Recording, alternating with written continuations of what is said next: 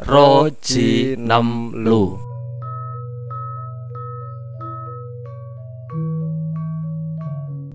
Hey yo, selamat datang Wilujeng Rawuhipun di podcast Putut Gelut. Masih dengan saya BGSJ di sini dan mari kita mulai ngudar cengkok kali ini.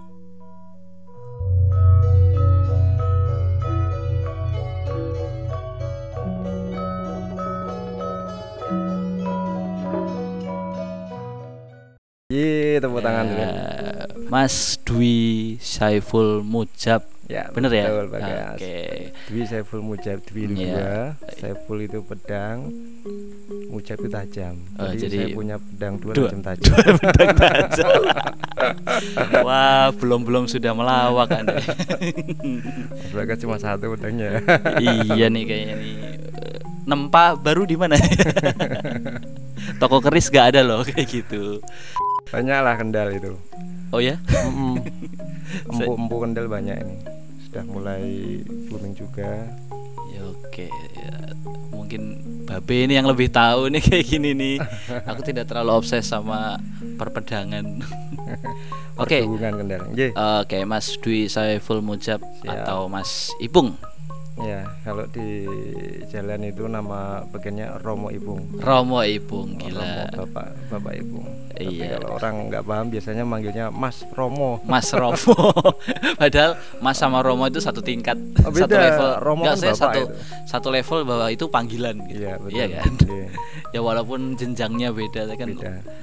dia dia panggilan gitu kan. Hmm. Nah, saya aku tuh tadi mikir, wah Romo Ipung ya. Kayak Romo pastor, Romo pastor pastor di situ. Tapi muslim gitu. Iya, awalnya banyak ketika pertama kali ngajar dulu, Mhm. ketika saya memperkenalkan diri, introduksinya adalah Romo Ibung. Eh, Orang berpikiran ini orang Katolik ya, ini pendeta ya. Bukanlah Romo itu bahasa Jawa. bahasa Jawa. Bapak memang Romo Hmm. dan Biung, bapak sama ibu. Hmm, aneh Kalau- juga ya ketika ngomongin masalah Romo itu konotasinya jadi double gitu kan. Ya, karena udah mungkin nggak kebiasa ya Hmm. manggil orang tuanya dengan sebutan Romo. Kebanyakan ya papa, Mhm. babe, Iya, iya, iya. papake. Waduh. Iya kalau Romo sama Biung udah mulai nggak ada. Eh, Eh gue ya kok Wes. Ini Romo, kebiasaan. Ro- Ro- Romonya Jaksel. Iya, saya manggil istri saya itu sebutannya Biung loh. Yung gitu. Yung gitu ya. Iya, Yung. Mem- manggil buat anak-anak sebenarnya. Eh, ya, ya, oke, oke. Dia sempat malu awalnya. Paksa aja. Tapi tapi kan apa ya? Sebenarnya kalau misalnya ya mungkin karena dihidup di Kendal ya. Hmm. Kendal itu adalah kota yang eh, masih berbau Semarang nih, masih berbau kota besar. Walaupun cuma di pinggirnya doang kan. Nah, Ah. mungkin budayanya juga tuh masih campur aduk dengan eh, di Semarang gitu dan kita Pantura gitu lah. Kita ngomongin sendiri. Kendal yang setengah-setengah dalam apa nih? Bahasanya dulu, orangnya atau tingkatan pendidikannya. Kalau kita ngomongin masalah bahasanya, Iya. eh, terutama di wilayah kota Kendal ya, Hmm, Purin, apa sinilah, Iya. Langadarjo dan kota sekitar alun-alun itu, aha. kebanyakan perumahan saat ini itu kan orang tuanya masih muda-muda. Oh iya dong. Nah, ketika di perumahan orang muda-muda mereka pakainya badansia. Itu Mhm. yang membuat bahasa Jawa agak luntur. Nggak agak lagi, Iya, kebanyakan luntur. luntur. Ah, mereka memperkenalkan sama anaknya bahasa ibunya bahasa Indonesia, bukan bahasa Jawa. Iya. Tapi nggak dipungkiri itu eh, sebenarnya perlu di apa namanya? dipelajari juga ya. Hmm. Bahasanya gini. Kenapa sih mereka sampai ngomongnya bahasa ibunya bahasa Indonesia nggak bahasa Jawa? Hmm. Ini kenapa? Ada rasa kekhawatiran sebenarnya. Mereka Oke. di lingkungan kota, kalau anaknya pakai bahasa Jawa ketika berangkat sekolah, bahasa Indonesia medok. Nanti kalau dia bahasanya medok di tengah-tengah anak kota, malu nggak mau ngomong. Iya, iya, itu yang mereka khawatir. Ini nanggung nih kendal yang wilayah kota nih. Iya makanya. kalau di wilayah agak mana ya ke ke barat yang jauh dari lingkungan alun-alun mungkin ya sudah sudah bagus pakai bahasa Hmm. Jawanya tapi kalau di sini wah nemuin sendirilah Mas Bagas ketika masuk ke mana-mana. Anak aja pakai bahasa Jawa nggak bisa mereka. Dek lenggah sini lenggah apaan? Jujur iya. Wah, Tapi ketemu ki- maksudnya ada. itu kan itu kan apa ya esensial banget deket banget sama belakang rumah SD SD Wow. itu yang di kota itu. Wow. Nggak berani nyebut. Satu hal peran pemerintah. Ya. Pembinaan bahasanya gimana? Oke. Jujur nih saya pernah ngajuin eh apa namanya suatu komunitas untuk Mhm. pembinaan bahasa.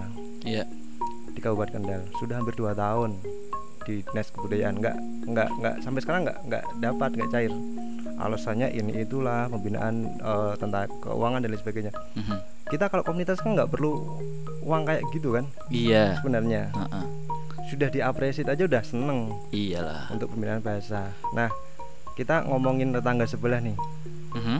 kalau ke barat ya. Pelang jalan bawahnya sudah pakai aksara Jawa nggak? Iya dong. Sini apa ada? Pengadaan pengadaan pelang itu kayaknya butuh bukan ini masalah deh. pengadaan loh. Iya tapi Mau, kan tidak mau. ya. tapi kan termasuk juga. Artinya kalau misalnya kalau misalnya satu proses eh, titik tertentu terhambat juga kayak misalnya tidak ada pendanaan untuk seperti itu? Nggak ada apa nggak mau diadakan aduh saya nggak tahu dong. Nah ini buat calon Ini. bupati yang baru nih. Masukkan di progresnya nih oke oke oke. Bagaimana bisa eh, menjawakan Jawa kembali? Kendal itu lebih wah kebudayaannya sebenarnya lebih jos saya saya sebenarnya merasa merasa tergugah juga karena Kendal sama Solo kan sebenarnya punya ini punya Ikatan. ikatan dekat banget kan. Itu yang di Kaliwungu hutannya siapa Nah, itu dia. Maksudku kan gini, kenapa ketika Kendal ini adalah satu kota yang benar-benar dekat sama kota budaya eh, secara ikatan ya dengan Surakarta yang notabene aku juga tahu kayak gimana dan ternyata sama, nggak terlalu banyak perbedaan. Lah, Iya. permasalahannya adalah kenapa kok dilalek kayak gitu kayak yang yang budaya-budayanya yang nggak dilalek pembinaannya yang nggak ada satu yang eh, saya mengapresiasi betul setiap tanggal 28 udah pakai baju adat oke ya. Kamis Kendal Mm-mm, oke lah kalau yang provinsi dia hari Kamis mhm. bagus Di Solo juga hari Kamis kayaknya. Iya. perda yang dikeluarkan gubernur tiap hari Kamis itu di semua lini harusnya kan pakai bahasa Jawa Mhm. nyatanya nah, ini nih ini ada TK kan Iya. tiap hari Kamis pakai bahasa Jawa enggak Pakai dong.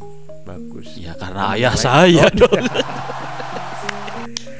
yang lain mau rapat Bapak Ibu sugeng siang niko rapat ngagem basa Jawi namung wonten ngajengi mawon nggih sanasipun kersane boten radat pakai bahasa Bahasa Indonesia. Indonesia. Formalitas ya kayak laporannya harus ada gitu iya, ya. yang penting udah pakai bahasa Jawa bagusnya emang. Tapi Hmm. kalau nggak dibiasakan banyak juga kayak kayak pegawai, kayak guru itu kayak mutasi dari daerah tertentu juga kan. mutasi dari daerah tertentu di mana? Ya maksudku Eh, Mas, gue punya pengalaman unik nih. gue lagi nih. Aku biasa nonton sinetron nih. Wasik. Dia pernah punya anak, dia pindah dari Medan. Mhm, Orang tuanya asli Jawa, mhm. tapi dari kecil dia di Medan. Suatu ketika dia kelas 11 itu pindahan, nggak bisa bahasa Jawa kan? Dia Yap. minta ke saya ketemu. Minta keringanan dong nilainya bahasa Jawa. Loh, kok minta keringanan? Kenapa? Iya nih kan tinggal lama di Medan.